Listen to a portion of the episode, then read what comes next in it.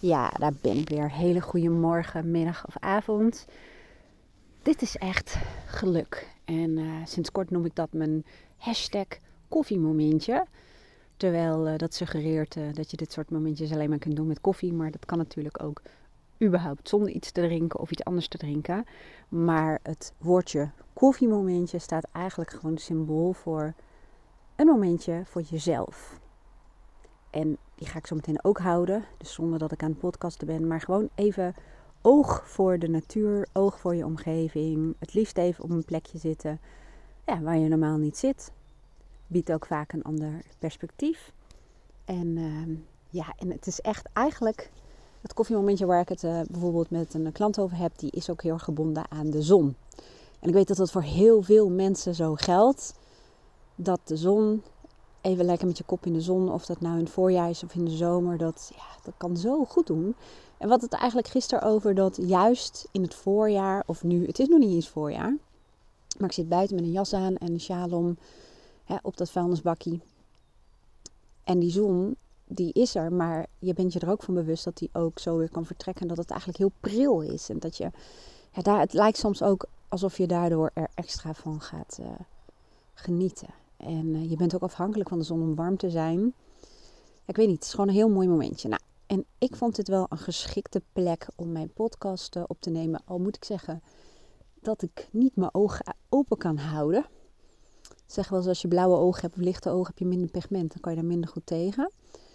Nou, ik denk wel dat het waar is. Dus ik ga even proberen of ik dat vuilnisbakje ergens anders neer kan zetten. Want ik kan helemaal niks zien. Anyway, waar ik het met je over wil hebben is um, dat we heel veel uh, problemen of vraagstukken op willen lossen met cognitie. Dus nou ja, in de kern even met onze gedachten, met onze denkkracht. En ik heb het gisteren in een andere podcast daar ook al over gehad. En ik heb daar ook bij uh, gezegd van, daar ga je het vaak niet mee redden. Want heel vaak loop je al, ik weet niet hoe lang rond met bepaalde vragen of problemen of dingen waar je continu tegenaan loopt, bepaalde patronen, zonder dat er eigenlijk echt iets verandert of zonder dat je een keuze kunt maken of een beslissing of whatever. Nou, ik ga jou een, uh, nou ja, ik wilde zeggen een tool leren, maar het is eigenlijk meer dan een tool. Het is, uh, ja, eigenlijk, ik noem het maar gewoon een soort van systeem, wat ik elke dag gebruik, die gewoon gaat werken. En die je ook gaat bevrijden van het altijd maar denken en piekeren. En ik leg dan meteen even het linkje naar iets wat mij in 2007 in ieder geval um, aangenaam verrast heeft. In 2007 had ik een burn-out. Nou moet ik wel eerlijk zeggen uh, dat het een burn-out was waarbij ik eerst twee weken uh, thuis was en daarna alweer aan het werk was. En dat duurde wel, het hele proces heeft ongeveer wel een jaar geduurd met uh, gewoon vaker griep en een ernstige vermoeidheid. Maar nu kan ik het wel bestempelen als een uh, nou ja, milde burn-out. Maar een van de dingen waar ik gewoon op vastliep op dat moment was heel erg het altijd maar in mijn hoofd zitten. Ik noemde dat ook echt gewoon alsof mijn verstand en mijn gevoel gewoon totaal niet met elkaar samenwerkten. En tot dat moment was ik ook gewend om alles met denken op te lossen. En alles te redeneren, te rationaliseren. Uh, de logica achter dingen te zoeken, verklaringen. Ja, en heel veel processen trokken, uh, voltrokken zich in mijn hoofd. Maar daardoor krijg je heel vaak niet de antwoorden op ja, bijvoorbeeld ook grote vraagstukken van wat wil ik nou eigenlijk? Goed, ik kwam toen uh, op een gegeven moment in de bibliotheek in aanraking met een boek en dat heette Het geluk in jezelf van Deepak Chopra. Misschien heet hij Chopra. Ik hoor het uh, uitgesproken op verschillende manieren. Anyway, ik vond de titel eigenlijk wel een beetje suf. Maar het boek trok me aan. Ik had zoiets, ach, ik ga het gewoon lezen. En Deepak Chopra is, als ik het goed zeg, een uh, Indiase uh, arts en, en, wetenschapper. En hij is ook heel erg bezig met spiritualiteit. Hij schreef bijvoorbeeld ook um, de zeven universele wetten van succes. Nou, hij heeft heel veel meer geschreven. En voor iemand die altijd gewend was en daar ook uh, mee opgevoed is om met het hoofd te werken en alles feitelijk te moeten uh, beredeneren, was dit boek een mooi bruggetje naar wat ik nu spiritualiteit zou noemen. Al ben ik nog steeds een beetje huiverig om dat te benoemen. ik merk nog steeds dat ik um, me eigenlijk daarvoor schaam. Ik schaam me er eigenlijk voor om te zeggen dat ik dus ook geloof in dat er meer is tussen hemel en aarde. En dat ik ook veel spiritueler ben dan dat ik altijd dacht. En dat komt ook doordat ik een bepaalde associatie heb. En dat is vaak ja, dat het zweverig is bijvoorbeeld. En uh, dat ik niet helemaal goed bij mijn hoofd ben geworden, weet je wel. Maar goed, dat is, maakt helemaal niet uit. Maar dat is um, zoals dat nu voor mij geldt. Dus als jij echt um, ja, hele spirituele dingen zoekt, dan ben je in ieder geval uh, nog niet aan het goede adres voor mij. En ik zeg nog niet, omdat ik wel steeds meer ermee bezig ben. En dat komt eigenlijk simpelweg ook omdat ik er, ja, dat mag je misschien helemaal niet zeggen vanuit spiritualiteit, maar continu bewijzen van in mijn leven uh, zie. Nou, het geluk in jezelf um, ging eigenlijk ook heel erg over natuurwetten en over cycli, maar vooral ook over niet tastbare zaken die er wel zijn. En um, ik weet niet of ik het woord goed uitspreek. Synchroniciteit, dus eigenlijk toeval, hè, uh, ogenschijnlijk toevalligheden. Ja, en dat um, eigenlijk het hele universum bestaat in essentie uit hetzelfde. En dat is energie. Alleen de verschillende vormen. Of de, de vormen zijn anders. Nou, heel verhaal ga ik je even niet meer lastigvallen. Want ik wil je natuurlijk deze tool leren. Maar om je een beetje context te geven. Ik wist toen ook dus in 2007 al, ik ga het dus niet alleen maar redden met mijn hoofd. Want daardoor uh, krijg ik niet de antwoorden en oplossingen die ik wil. Of op papier lijkt het een oplossing of een antwoord, maar ik voel hem niet. Of iets in mij uh, zegt juist iets anders. Hè, dat heb je ook vaak. Dan, ook al ook met huizen kijken hebben we gedaan, heb je een checklist en dan voldoet een huis aan alles, maar toch voel je hem niet. En dat voelen, het intuïtie, het innerlijk weten of uh, je ziel, je hogere zelf, je source. Er zijn allemaal verschillende containerbegrippen voor. Um, ik ben wat minder van labelen, labelen, maar er was in ieder geval iets in mij uh, ja, dat ook iets wilde zeggen, maar waar ik gewoon op dat moment nog niet zo heel goed naar kon luisteren. Nou, ik vertelde je ook heel vaak dat je brein eigenlijk ook vooral vraag- en instructie gestuurd werkt. En um, ik ga daar niet heel veel over vertellen, want in mijn vorige twee uh, podcasts heb ik het daar veel uitgebreider over. Maar ik ben sinds 2007 um, ehm, met tussenposes, want ik vond het op een gegeven moment ook gewoon een beetje te eng worden allemaal. Dus kom ik zo meteen wel eventjes op terug. Ben ik gaan, meer gaan vertrouwen op dat ik niet alles zelf op hoef te lossen. En dat er andere manieren zijn om tot antwoorden en oplossingen te komen. Eventjes vooruitspoelend kwam ik volgens mij in 2014, 2015 ging mijn allereerste coachopleiding doen. En uh, op een gegeven moment kwam ik um, mijn onderdeel en dat ging over coachen op religie of geloof van mensen. Nou, so far so good. Ik dacht, dat, dat kan ik allemaal wel bevatten. Dat als iemand ergens in gelooft, dat je dat natuurlijk ook in kunt zetten om doelen te bereiken. Maar in één keer ging het over de wet van de aantrekkingskracht. En het universum en een inner being en Abraham Hicks. En ik dacht, what the piep. Dat was echt serieus het moment waarop ik dacht, ik stop met deze opleiding. Ik vond hem tot dusver hartstikke goed. Maar in één keer dacht ik, waar ben ik in beland? In een, een of andere zweverige toestand. Maar goed, ik had als doel om die opleiding af te maken. En ik vond hem dus voor de rest hartstikke goed. Dus ik dacht, nou, weet je wat ik doe? Ik, uh, ik ga het gewoon doen. Nou, en een van de dingen die ik daarin deed, was het placement proces. Nou, ik ga je nu alvast um, uitleggen hoe ik dat nog steeds elke ochtend doe. Je hebt zeg maar een vel, een A4'tje. En dat kan gewoon een Word-document zijn of een ander tekstverwerkingsprogramma dat jij gebruikt. Dus dat kan digitaal zijn. Of um, uh, ik hoorde een klant zeggen dat je natuurlijk tegenwoordig ook een soort iPads hebt waar je gewoon op kunt schrijven. Maakt niet uit. Het gaat erom dat je schrijft of typt. Dat is in ieder geval het belangrijke. Dat helpt je echt met, um, nou ja, met, met, met het gewoon goed doen, om het zo te zeggen. Nou, placementproces is dat je een velletje hebt en die vouw je, um, hoe zeg je dat, verticaal. Dus een, een, een, vouw van boven naar beneden. Of je zet er gewoon een streep, of je gebruikt een tabel. En als je um, het, het ja, werkblad wil hebben, of de tool, als je die wil hebben, dan mail me even. Dan uh, kan ik je die uh, toesturen. En aan de rechterkant moest ik dan neerzetten tijdens de opleiding wat ik vandaag moeiteloos zal doen. En in het begin dacht ik, oh, zo moeiteloos zal doen. Nou, eigenlijk dwingt deze um, ja, oefening je om even kritisch je dag te plannen. En wat ik daarmee bedoel, hè, iedereen heeft uh, to-do-lijstjes. Er staat van alles op. Maar het is gewoon slim om bijvoorbeeld ochtends te plannen. Ook op basis van hoe je je voelt. Um, als je, heb je geen inspiratie, maar in je hoofd zit dat je een een of ander geweldig artikel moet schrijven, terwijl er nog ruimte is qua tijd, ja, kun je op dat moment ervoor kiezen. Dat gaat me vandaag niet moeiteloos af. Ik doe dat op andere momenten. En dan laat ik even achterwege of dat uitstellen is of niet. Hè. Maar soms voel je gewoon, hey, vandaag zullen deze dingen mij moeiteloos afgaan. Nou, aan de rechterkant schrijf je gewoon de dingen waar jij eigenlijk direct invloed op hebt. De dingen die jij kunt gaan doen. Ik laat deze heel veel achterwege, want dit is belangrijk en fijn. En daar heb ik een andere video over opgenomen. Die zet ik wel even hieronder. Maar waar het nu over gaat in deze podcast is juist zeg maar die linkerkant. Aan de linkerkant moest je opschrijven wat ik wil dat het universum voor mij doet. In het begin was ik een beetje baldadig. En dan maakte ik daarvan wat ik wil dat mijn brein voor mij oplost. En ik doe dat nog steeds. Want ik geloof nog steeds heel erg in de werking van ons brein.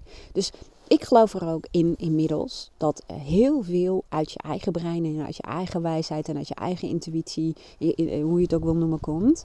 Maar ik ben er inmiddels echt heilig van overtuigd. Mooi woord eigenlijk, hè? heilig, spiritualiteit. Maar dat um, ja, er zoiets is als het universum, waarbij we allemaal verbonden zijn met elkaar. En uh, ja, ik geloof bijvoorbeeld ook in telepathie. En ik geloof er ook in, dat heb ik al zo vaak ervaren, dat er gewoon uh, ja, oplossingen en antwoorden uh, gegeven worden. Of dat je tekens krijgt of signaleert die je weer verder helpen. Nou, dat was nog wel even een ding. Je ziet ook misschien, of je hoort misschien wel aan de wijze waarop ik spreek, dat het nog niet, um, ja, dat dat misschien nog minder stellig is als wanneer ik het over het brein heb. Maar het is mijn eigen ontwikkeling. Dat is ook een kwestie van het misschien nog niet helemaal durven toe te geven. Maar ik kan nu eigenlijk wel zeggen, ik ben er absoluut van overtuigd. En ik kan het alleen niet benoemen wat het is, maar misschien is dat ook helemaal niet de bedoeling.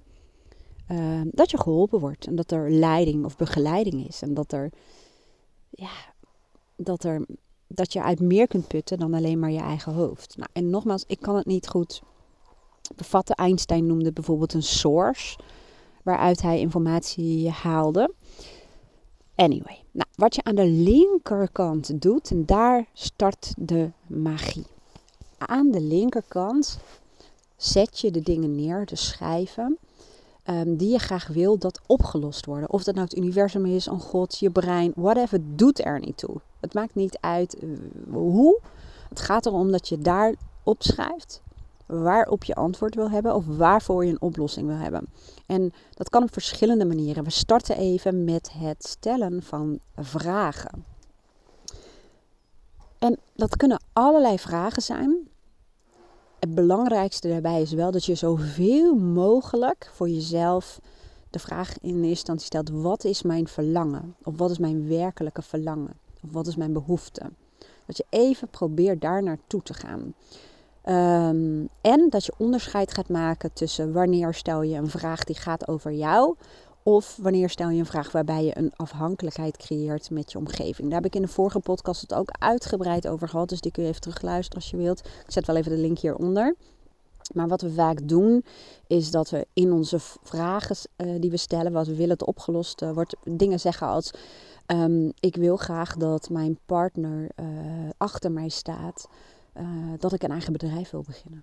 Of ik wil dat hij het goed vindt. Of um, ik wil dat mijn moeder niet meer zo vervelend tegen mij doet of zo kritisch naar mij is.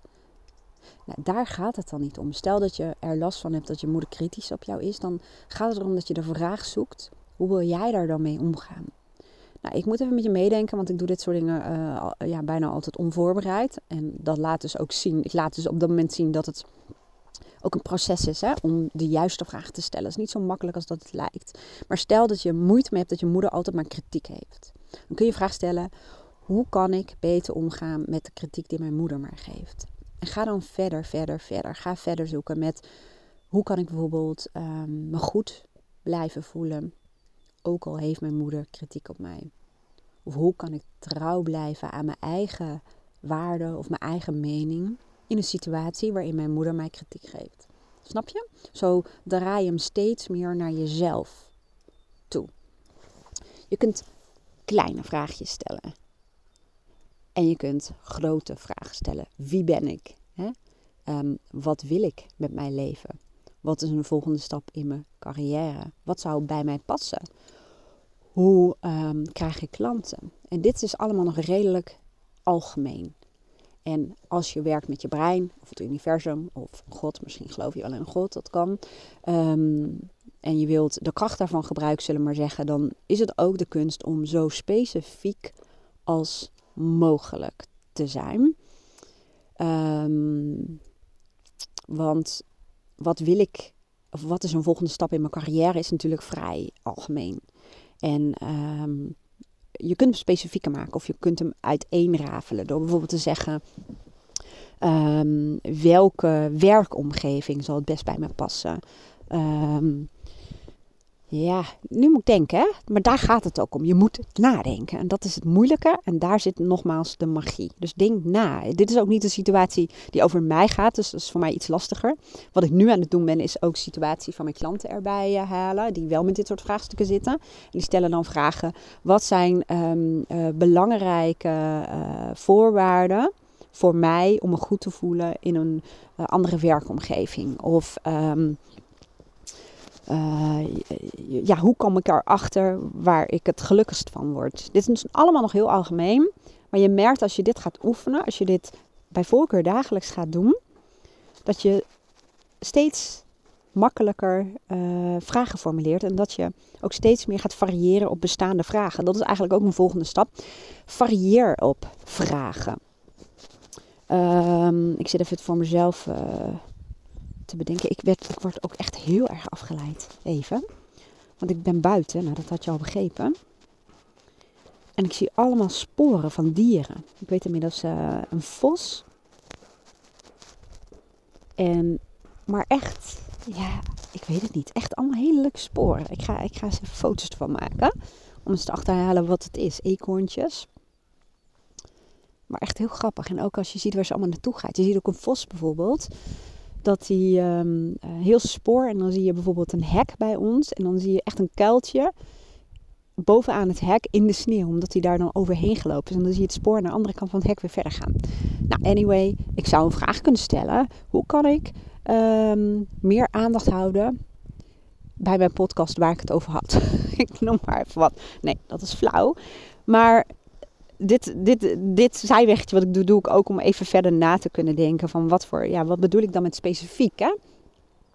Uh, nou ja, specifiek, specifieker maken van je vragen gaat heel erg om uh, de woorden die je gebruikt. Hè, als jij zegt, hoe kan ik gelukkiger worden in mijn werk?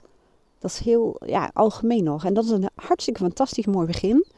Probeer ook in de instantie heel veel open vragen te stellen en varieer af en toe met een gesloten vraag. Um, maar als je het specifieker wil maken, kun je even kijken naar het woordje gelukkiger. En dan is de vraag aan jou: wat is dat voor jou eigenlijk? Wanneer merk je dan dat je gelukkiger bent? Wat is dat voor jou? En ook als je zegt, als je een keuze wil maken, bijvoorbeeld um, je relatie beëindigen, ja of nee, kun je bijvoorbeeld de vraag stellen: hoe weet ik of het goed voor mij is om de relatie te beëindigen? Of uh, wat is er voor nodig om uh, een goed gevoel te hebben over deze beslissing? Um, je mag ook instructies geven. En mag, dat klinkt een beetje gek, maar laat ik het zo zeggen, dat werkt ook. Van laat mij zien wat de beste beslissing is, of wat de beste keuze is. Of geef mij signalen, of geef mij tekens. Um, zodat ik weet dat, huppel de pup. Dus het is een combinatie van vragen stellen en uh, ik heb uh, altijd een hele sterke voorkeur voor open vragen. En waarom? Omdat je met gesloten vragen kun je over het algemeen alleen ja of nee uh, zeggen. En open vragen zorgt er ook voor dat je je brein in elk geval heel erg open zet voor allerlei mogelijke invalshoeken en oplossingsrichtingen. Um, en open vragen beginnen vaak met wie, wat, welke, wanneer, waardoor, um, waarom. Ik ben niet zo heel erg fan altijd van de waarom-vraag, want die wordt ook heel vaak gebruikt om dingen te verklaren. Waarom is dit zo? Waarom weet ik het nog niet? Dat soort vragen um, zijn meestal niet zo heel erg functioneel. Dus als je uh, zeker wil weten dat je dat voorkomt, zou ik gewoon even het woordje waarom vermijden. En probeer dan even de vraag anders te formuleren. Het is heel leuk, want ik zie op de sneeuw, ben door de sneeuw heen aan het lopen. Het is net of het allemaal diamantjes zijn. Het glinstert heel erg. Goed. Open vragen, maar ook ja, instructies. Eigenlijk net zoals je je navigatiesysteem gebruikt van je auto, dan geef je ook de bestemming door en zo specifiek mogelijk. Het liefst tot aan het huisnummer. Want heel vaak als je het huisnummer niet invoert, dan kan het zijn dat je heel lang loopt te dwalen voordat je erachter komt waar iets is, als je nou wat ik bedoel. Maar begin met wat je al weet. Begin gewoon met de algemene vragen. Ehm, eh, ja, hoe weet ik of ik mijn relatie moet beëindigen? Ehm, hoe kan ik me goed voelen over de keuze om mijn relatie te beëindigen? Of uh, ja, heel veel mensen hebben dan bijvoorbeeld ook last van schuldgevoel. Nou, en dan kun je bijvoorbeeld zeggen: hoe, hoe kan ik omgaan met mijn schuldgevoel? Of ja, dit is even lastig van mij, voor mij, omdat ik nu bezig ben met um, klanten. Ik probeer verschillende soorten klanten voor ogen te houden. En te kijken waar ze mee lopen en hoe ik dit met ze heb gedaan. Maar dat is even lastiger. Dus ik probeer even bij mezelf na te gaan. Um, nou, ik heb bijvoorbeeld vragen gesteld als: hoe kan ik meer vrijheid ervaren in mijn bedrijf en in mijn leven? Waarbij ik op een gegeven moment ook bijvoorbeeld aan de hand van een vision board um, betekenis heb gegeven aan vrijheid. Wat bedoel ik dan precies met vrijheid? Wat bedoel ik daarmee?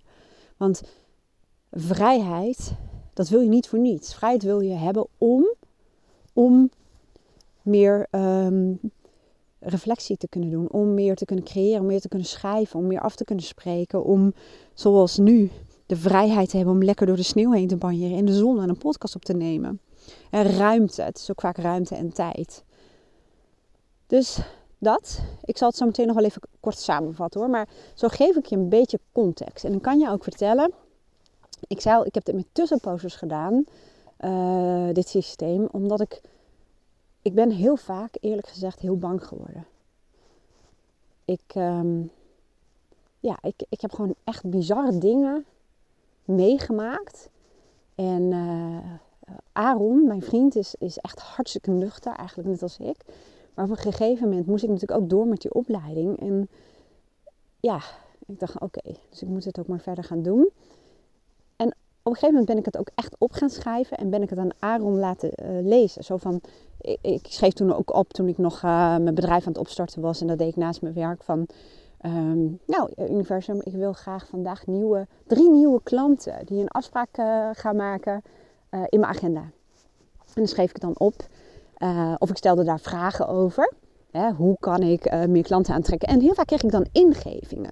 Een ingeving om een artikel op een blog te schrijven. Een ingeving om een oud collega even te vragen om, nou ja, om, om zich heen te kijken. Dus je krijgt ook vaak ingevingen en inzichten.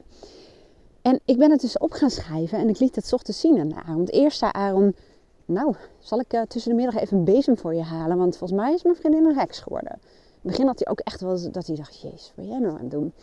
Maar goed, ik hoorde hem op een gegeven moment de magische woorden zeggen van, ja, ik uh, kan niet anders dan zeggen dat het, uh, ja, dat het eigenlijk niet meer toevallig is. Dit kunnen we gewoon geen toeval meer noemen. En ook Luca, zijn zoon, en Lisa, mijn dochter, zijn het gaan doen.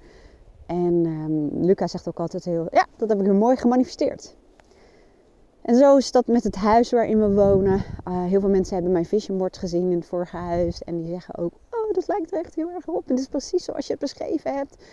En uh, ja, gisteren nog had ik eventjes het verlangen om even iets meer tijd te hebben nog. Voordat mijn klant kwam. En sorry klant, want ik weet dat je dit luistert.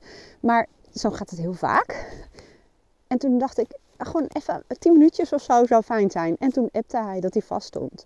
Sorry. Maar ik bedoel, dat gebeurt heel vaak. Soms heb ik mijn agenda echt ramvol. Dat ik echt denk, oh shit, ik heb mezelf laten verleiden om. En uh, nou, dan, dan vraag ik daarvoor een oplossing. En het is echt zo vaak dat iemand zegt, oh, kan ik even de afspraak afzeggen?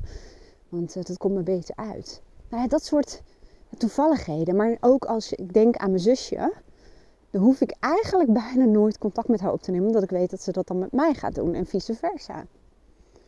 En echt waar, serieus, gisteren, um, of eergisteren liever met Aaron hier in de tuin, waren we al die sporen aan het bekijken.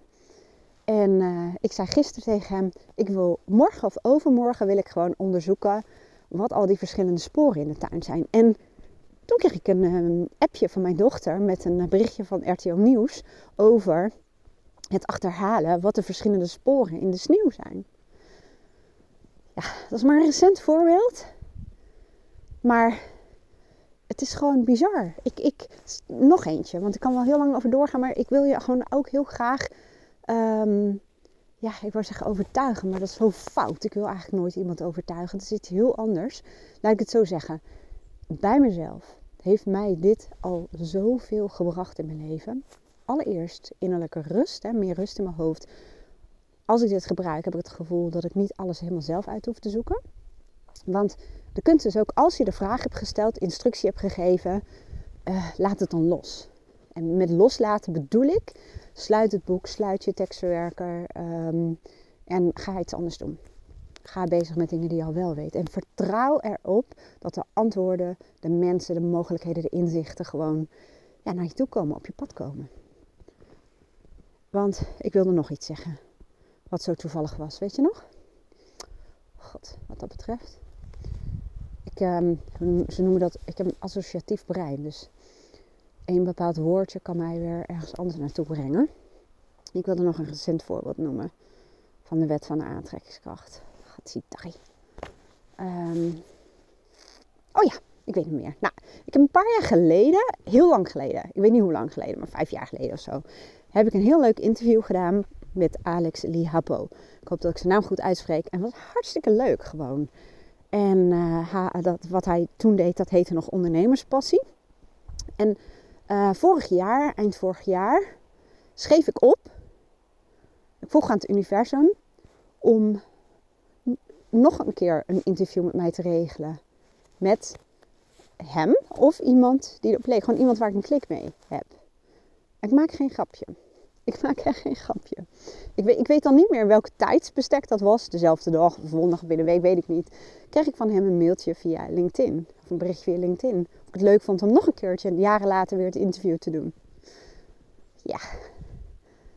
Ik heb dat gewoon heel vaak. Ook met, met, met vriendinnen en, en oud-klanten die ik al jaren niet heb gesproken. En dan denk ik aan ze. Nou, en dat wil ik zeggen, ja, in mijn beleving...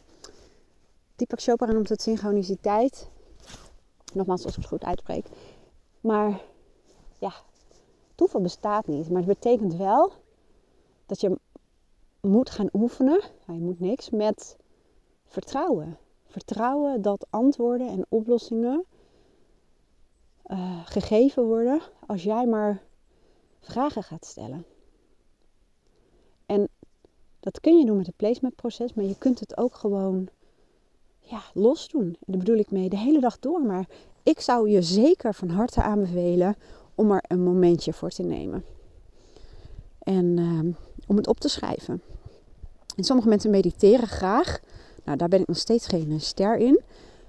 En als ik ga zitten, dan hoor ik ook maar één gedachte, als al enigszins rustig in mijn hoofd. dus wat is je vraag? Wat is je vraag? Daar vertelde ik gisteren ook over in de vorige podcast. Maar wat is je vraag? Waar kunnen we je mee helpen, bij wijze van spreken? Dus dat is ook een mooie om, om, om voor ogen te houden. Ik ga zo samenvatten. Waar kunnen we je mee helpen? Nou, kort samengevat, je hoeft het niet alleen te doen.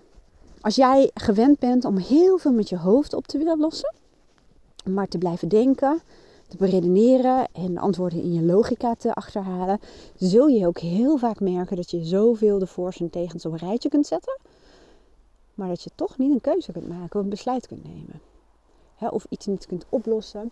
En dat is het moment waarop je eens mag gaan spelen en oefenen met een andere manier van het verkrijgen van antwoorden en oplossingen. En daarvoor kun je je brein inzetten of het universum of van God of waar je ook in gelooft of je ziel of whatever. Dat laat ik helemaal aan jou over. Um, en je hoeft het niet eens te benoemen. Je hoeft het niet eens te benoemen. Maar um, begin met het stellen van vragen open vragen en varieer op die vragen. wees als het kan zo specifiek als mogelijk. Maar dat hoeft niet. Stel eerst maar gewoon de vraag die je opkomt. Je wordt daar steeds handiger in. Geef ook instructies. Vraag om tekens. Vraag om inzichten. Vraag er gewoon om. En daarna ga je gewoon doen wat je al van plan was. En uh, je geeft je brein, of wat het dan ook mogen zijn, de ruimte om met de antwoorden te komen. En de antwoorden en de oplossingen komen op allerlei verschillende manieren. Inzichten, ingevingen, ontmoetingen. Dus je iemand spreekt um, die in één keer iets zegt waardoor je denkt: oh, dat is het. Gebeurtenissen. Heel vaak lossen problemen zichzelf op. Um, of je slaat een tijdschrift open en je aandacht wordt getrokken naar een bepaalde zin. Of misschien naar contactgegevens van iemand die je verder gaat helpen. Uh, ja, jeetje. Ja, er zijn zoveel verschillende manieren en daar ga jij ook niet over. Dat is ook niet jouw taak. als je werkt met de wet van de aantrekkingskracht, zegt ze ook: het is niet jouw taak om bezig te zijn met het antwoord en het hoe. Het is jouw taak om bezig te zijn met je verlangen. Wat wil je? Wat wil je? Waar kunnen we je bij helpen? En laat het formuleren van het hoe en de oplossing het antwoord over aan, nou ja, wat dan ook. Nou, ik hoop dat dit uh, concreet genoeg is. Ik had het gevoel dat ik een beetje context moest geven. Uh, om een beetje gevoel te krijgen bij waar gaat het over. Uh, is het niet duidelijk genoeg? Laat het me even weten. Dat kan door even contact met mij op te nemen. Dat kan ook onderaan een video of onderaan de podcast. En ehm, als jij nou denkt, ik vind het heel erg leuk. Ik zit ook weer te kijken naar andere sporen. Sorry hoor, ik, ik raak ook zo snel afgeleid. Maar ik vind het ook wel een voordeel. Want ondertussen ben ik met jou aan het praten. Maar ik zie ook al het mooie om me heen eigenlijk. Ik heb helemaal geen zin om naar binnen te gaan. Dan mijn vingers vriezen eraf. Maar um, wat ik ook ga doen. En dat doe ik even als ik een bepaald aantal mensen heb. Ik ga gratis een... Uh, ja, hoe moet ik het zeggen? Een WhatsApp groepje in de eerste instantie. Misschien wordt het wel iets anders hoor. Maar laat ik het zo zeggen. Heel veel mensen zijn hiermee bezig. Maar die kennen weinig mensen die uh, hier op deze manier mee bezig zijn. En ze zeggen dat ze geïnspireerd raken als er met mensen over hebben die hier ook mee bezig zijn. Geïnspireerd door de uitkomsten van andere mensen, of dat ze een beetje hulp willen hebben. Dus als jij geïnteresseerd bent in de wet van de aantrekkingskracht, dan um, geef me dat even door. Ik ga nog even verder kijken en onderzoeken samen met de mensen die dit willen. Hoe kunnen we dat nou het beste vormgeven? En mijn rol wordt vooral dat ik je wat tools ga leren. En, uh, en jullie met elkaar, als jullie daar het verlangen toe hebben, kunnen ervaringen uitwisselen. En ik, ja, ik faciliteer dat dan een beetje. Ik ga niet zitten coachen. Ik bedoel, ik ben ook ondernemer en uh, ja, ik kan natuurlijk niet alles gaat zitten doen.